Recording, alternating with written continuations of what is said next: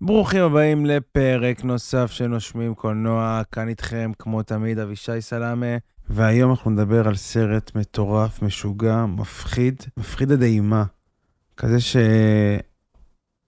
תחשבו על סרטי אימה אחרת אחר כך.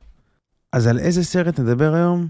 על הסרט המגדלור, סרט משנת 2019 של הבמאי רוברט אגרס. כל זה ועוד אחרי הפתיח. We've met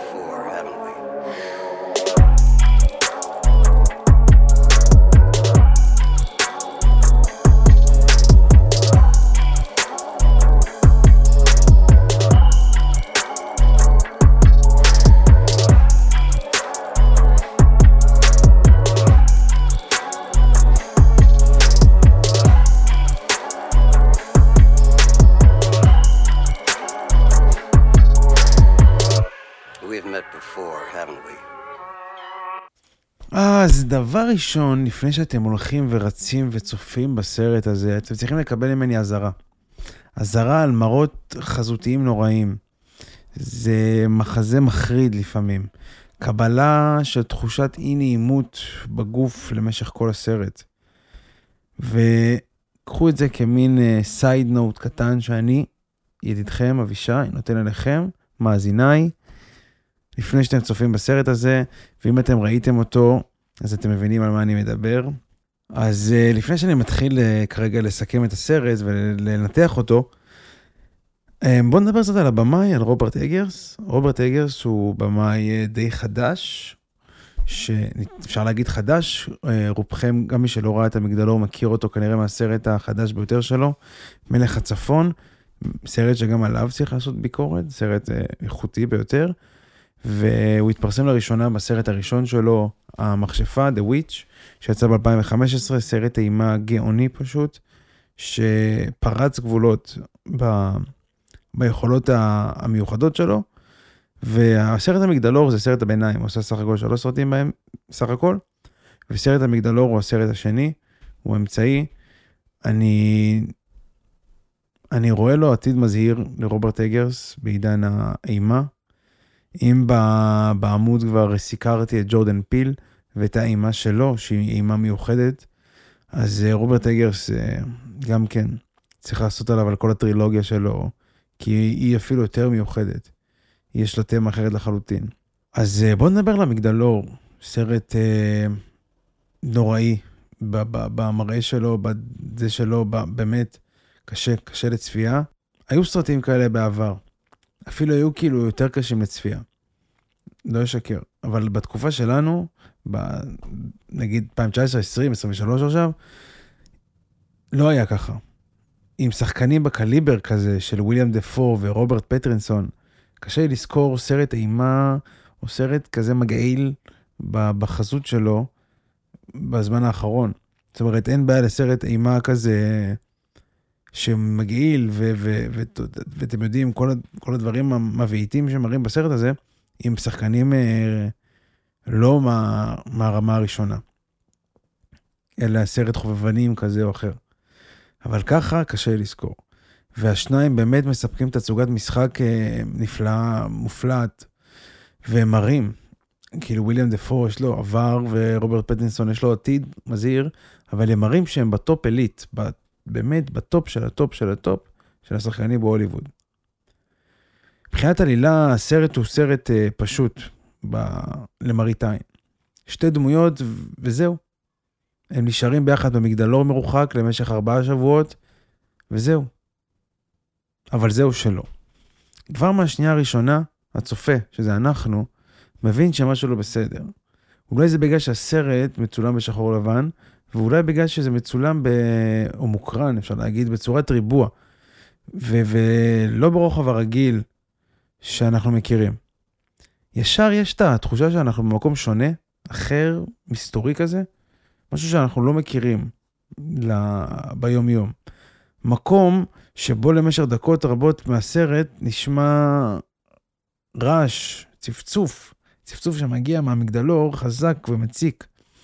והתחושה הזאת עוברת מהמסך לצופה, ומהצופה בחזרה למסך על שתי הדמויות. כאילו הם יודעים שיש משהו לא בסדר, גם מבחינת המקום וגם מבחינת הצופה, והם שתיהם אחוזים במעין שיגעון שהיה מהשנייה הראשונה.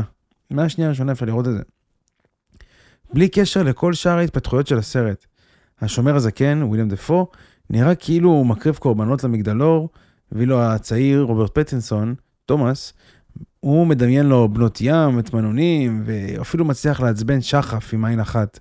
זה סרט אימה שמשלב נגיעות דרמה ועל טבעי. מתכון קלאסי להצלחה. ברמה העלילתית, אנחנו במסע של תומאס הצעיר. הוא מנסה לשקם את עצמו אחרי שראה בחברו לעבודה נהרג, ולא עשה כלום כדי להציל אותו. הוא מגיע לתיקון במגדלור, רחוק מכל הרעש והבלגן שהשאיר מאחור. כאן הוא חדש, וכאן הוא גם משקר בשם שלו, אבל זה נראה שהמסע של התיקון שלו לא מצליח. המגדלור משגע אותו. הוא חווה תופעות מטאפיזיות, מדמיין דברים, והוא נראה כאילו אחוז דיבוק במרבית הזמן. לא ניתן לדעת אם התופעות שהוא רואה אותן אמיתיות או לא, אבל זה לא משנה. אנחנו במסע אחרי הראש שלו. בשבילו הן אמיתיות. ככל שהוא משתגע יותר, הסרט משתגע יותר. המטרה שלו לא ברורה. להגיע למגדלור או ניקיון אשמה פנימי. אולי השניים ביחד. כנראה ש... שהשניים ביחד. לאחר שהוא משאיר את השומר הזקן עם הגרזן בראש שלו, הוא עולה בסוף הסרט למגדלור המסתורי, שבמשך כל הסרט אנחנו והוא רוצים לדעת מה יש בתוכו. ולמה הוא כזה חשוב להתפתחות של הסרט, המגדלור. ואנחנו לא זוכים לראות את המחזה הנחשף.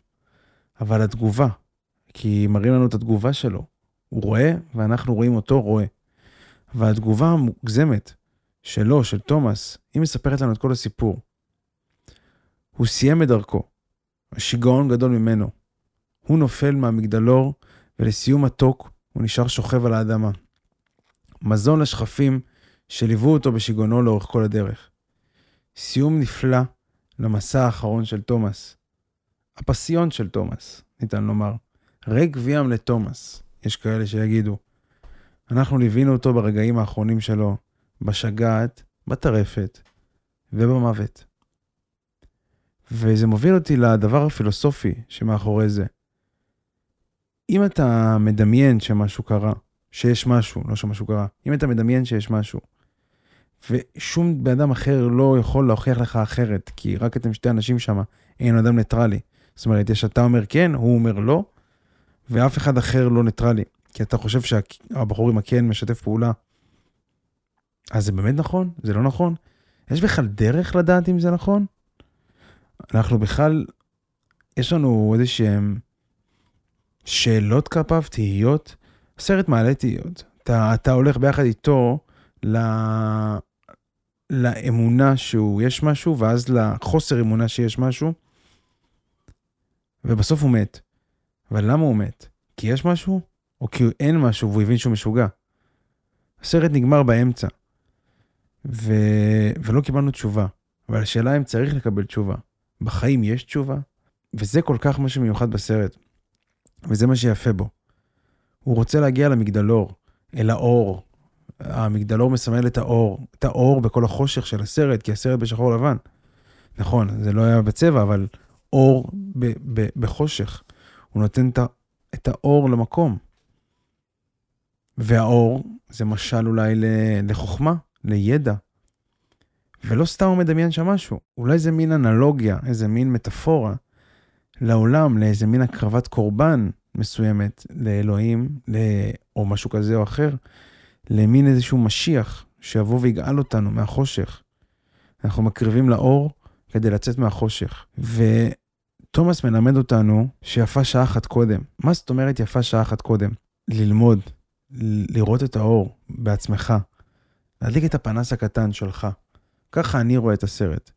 כי הסרט רואה אותנו את השיגעון, אבל הוא יכול להיות אחרת, בסיפור מוטיבציה, בסיפור אה, אה, אה, הרפתקה שלו, אבל הוא רואה את הצד האפל, את הצד החשוך, את השיגעון, את הטירוף, את המוות. אני אמרתי מקודם שהסרט כאילו נגמר באמצע. אתה לא מבין, יש משהו במגדלור, אין משהו במגדלור, הוא ראה, הוא לא ראה, הוא מת כי הוא ראה והרגו אותו, הוא מת כי הוא לא ראה כלום, ואז הוא נפל בגלל שהוא הבין שהוא משוגע, וזה המסע הנפשי העמוק. וזה עוד יותר עמוק, הקטע הזה שאתה מבין שזה מבוסס על ה... בין הסיפורים האחרונים של אדגר אלן פה, הסופר ה- הידוע, והוא, את הסיפור הזה הוא לא סיים. הוא לא סיים אותו כנראה בגלל שהוא מת. וזה השוואה יפה בין אדגר אלן פה לתומאס, בין הסיפור למגדלור, תרתי משמע. האור של אדגר אלן פה, לראות משהו בקצה המגדלור, לא התקיים. הוא לא סיים אותו, הוא מת. כך גם תומאס, למרות שהוא ראה מה יש שם, אבל אנחנו לא זכינו. ואני אקח אתכם עמוק יותר. זה אפילו יותר עמוק, שאנחנו מבינים שזה מבוסס על סיפור אמיתי משנת 1801. זה מבוסס על שני שומרי מגדלור, שגם קוראים, אחד מהם קוראים תומאס, והזקן גם מת, ואחד מהם זקן, שהוא היה צעיר, ואחד זקן, והזקן מת במהלך השמירה. והבחור השני, בטרפת, בשיגעון, כי הוא היה בודד. ואולי גם זה הסיפור. אולי בעצם תומאס היה שם לבד רוב הזמן, הוא רק דמיין את הזקן. כל זה ועוד שאלות שמעלות תהיות על, על עצם, עצם העולם, עצם, עצם האופן המוסרי של, ה, של השמירה, על מה אנחנו שומרים, ממה אנחנו שומרים. אולי זה הנכון באמת בשנת 1800 לשמור על מגדלור, אבל אם אתה רואה אותו בשנת 2020 כמשהו מטאפורי, אז על מה אנחנו שומרים בעצם? על מי? ממה? למה? אין לי תשובה לדברים האלה. כמו בכל פילוסופיה טובה, אין תשובה. יש לנו רק את התהיות. אז אני משאיר לכם את השאלות, אולי לכם יש תשובות, ובזה אני אסכם את הסרט המגדלור, סרט שמעלה הרבה שאלות, בלי הרבה תשובות, אבל עם הנאה צרופה לכאלה שאוהבים סרטי אימה וסרטי, סרטים מוזרים קצת, אבל עם הרבה עומק מאחוריהם והרבה מחשבה מאחורי כל סצנה וסצנה. אז אני שמח לשלוח אתכם לראות את הסרט הזה בפעם הראשונה, או בפעם השנייה אחרי הדבר הזה, זה הרבה יותר, תראו אותו בצורה הרבה יותר שונה.